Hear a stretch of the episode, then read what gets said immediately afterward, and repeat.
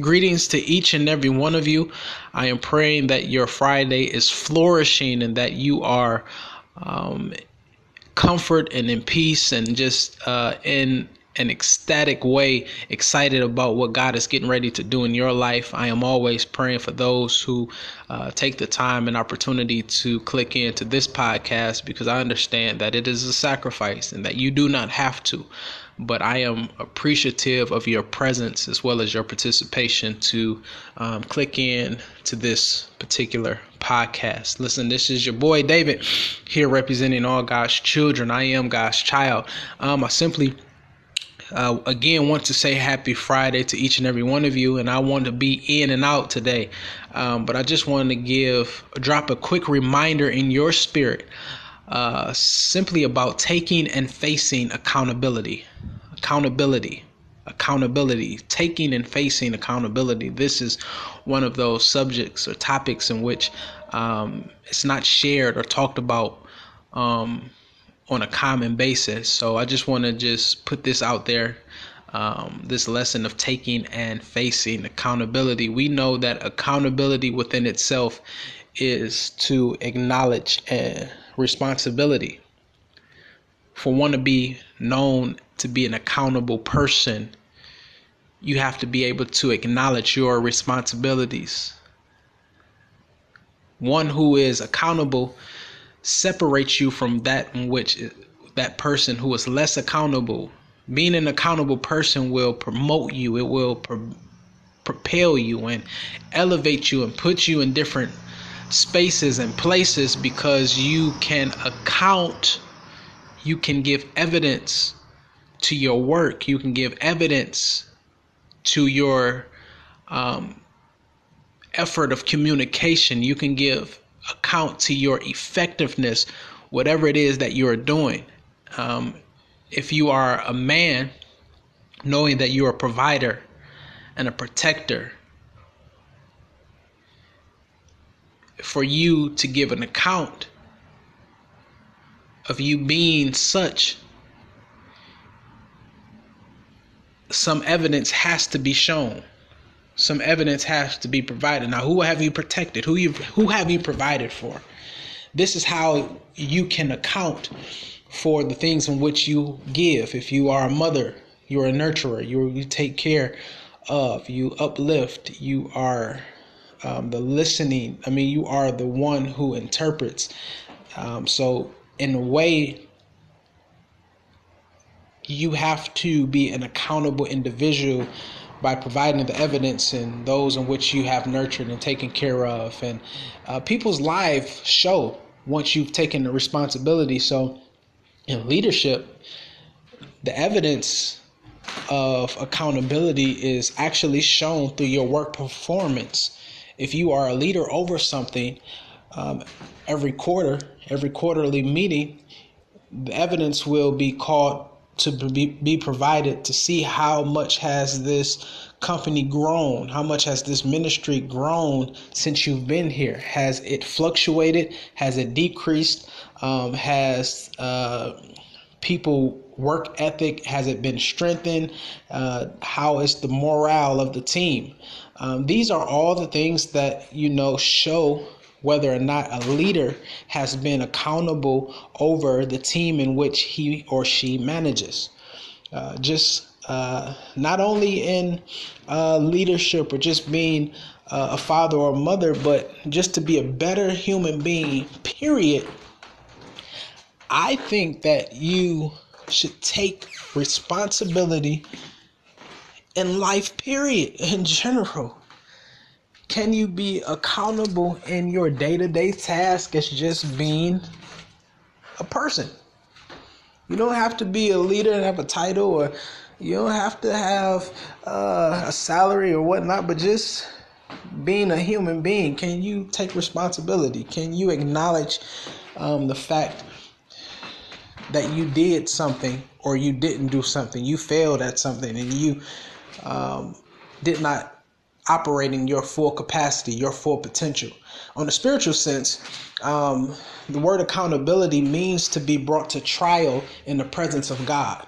So the Bible uses this whole uh, courtroom this whole courtroom as an illustration to um, pretty much hit home because you, I mean, you know, Jews were visual learners, so they um, oftentimes when you see Jesus teaching parables, he taught um, using symbols of that the everyday Jew seen to better help them understand and find their truth within the story. Um, so when it talks about accountability, you see this whole courtroom. God is the judge, the magistrate, and we are standing before God and we are stating our claim before judge God who is the judge. We stand before him, we state our claim. And depending on the evidence that we can provide unto God will determine the consequences that we incur.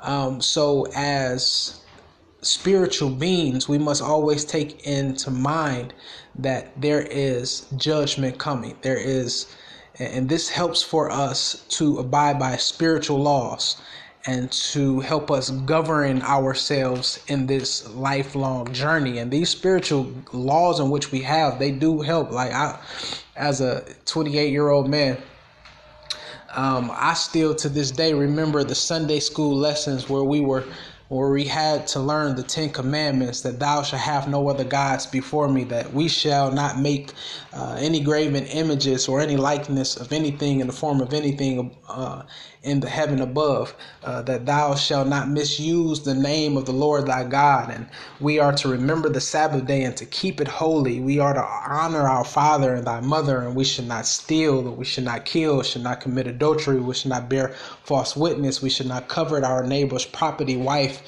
house. Uh, these are some of the laws in which God has laid out for us that we are to govern and not will govern ourselves under and to abide by while here on earth because with these conditions there are certain results that will come from listening and being submissive to these laws some of them are challenging on a day-to-day basis and you see where um, some of us break these laws and don't fully listen to them and don't fully comprehend them and some are not can't be found guilty because they don't know. But these, these are just some of the laws in which uh, god has given us to um, govern ourselves under uh, while we're here on earth. And as a result of god giving us the laws through the manhood of moses um, because the laws were given to us and we read them, we heard about them, we have to be accountable for how we use these laws, how we tend to them. Um, and there are many other um, spiritual laws in which God gives us um, that um, we should be mindful of. But in terms of how we are on this earth, um, we have to be accountable for the things in which we are placed under. As a as a mother, have you been a good mother? Have you been a good nurturer? As a father, have you been a good steward over your household? Have you been a good father? Have you taken time to listen to your wife? Have you been the person that showed up to your children's practice? Have you given your child instructions and trained them up in a way that they should go so that they will when they get older they will not depart from these things?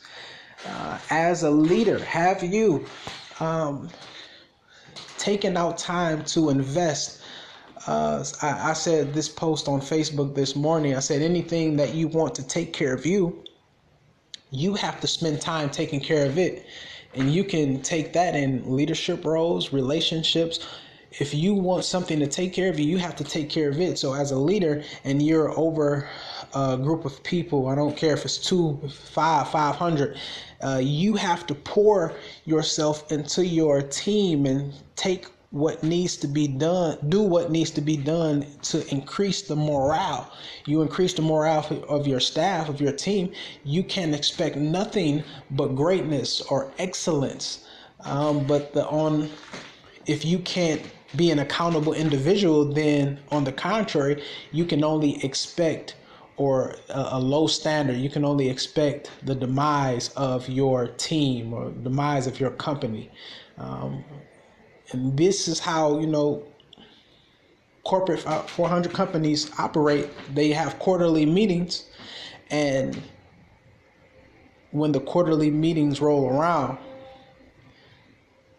they assess and analyze the leaders over the ministry, the leaders over the company. If you are an effective, effective and impactful leader, then it will show quarter to quarter.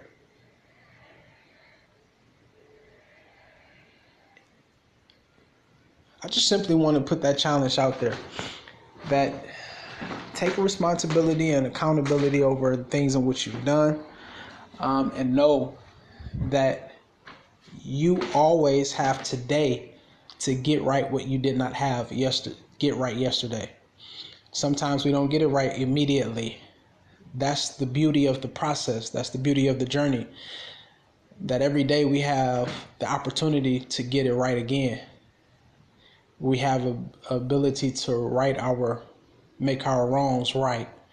And I just want to challenge you um, that if you did not get it right yesterday, if you wasn't accountable,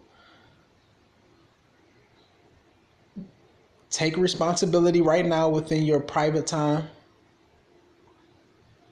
Make up in your mind that you're going to be more responsible, more accountable. Repent to God and get it right. That's all you got to do. Get it right. I'm praying for your success. Um, if I wouldn't, I wouldn't share with you. Um, I pray that your day continues to go well. Again, you can reach out to me on my social media platforms, David V. Clark. That is Facebook as well as Instagram. Um, be looking forward to reaching and dialoguing uh, with each of you. And I pray that your day goes well and that the best of you triumphs the weaker part of you, the lower mean of yourself. All right, y'all go in peace, go in love.